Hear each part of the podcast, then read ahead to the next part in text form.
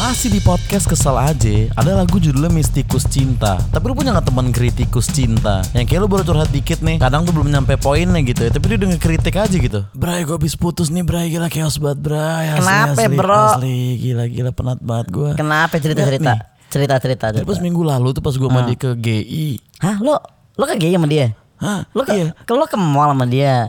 Nah, itu Enggak, aja udah bukan- salah, Bro. Nih, lo kalau ke mall itu cewek jadi punya ekspektasi lebih tentang akan seperti apa kentana nantinya.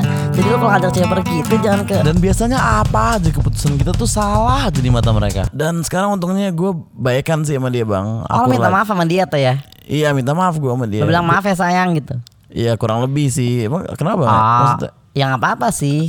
Salah. Cuman ma- maaf itu tuh kayak ibaratnya ngasih dia izin buat ngulangin lagi sih bro. Sebenarnya gitu kalau menurut gue pribadi ya. Jadi menurut gue sih lo salah nih. Menurut gue gini nih.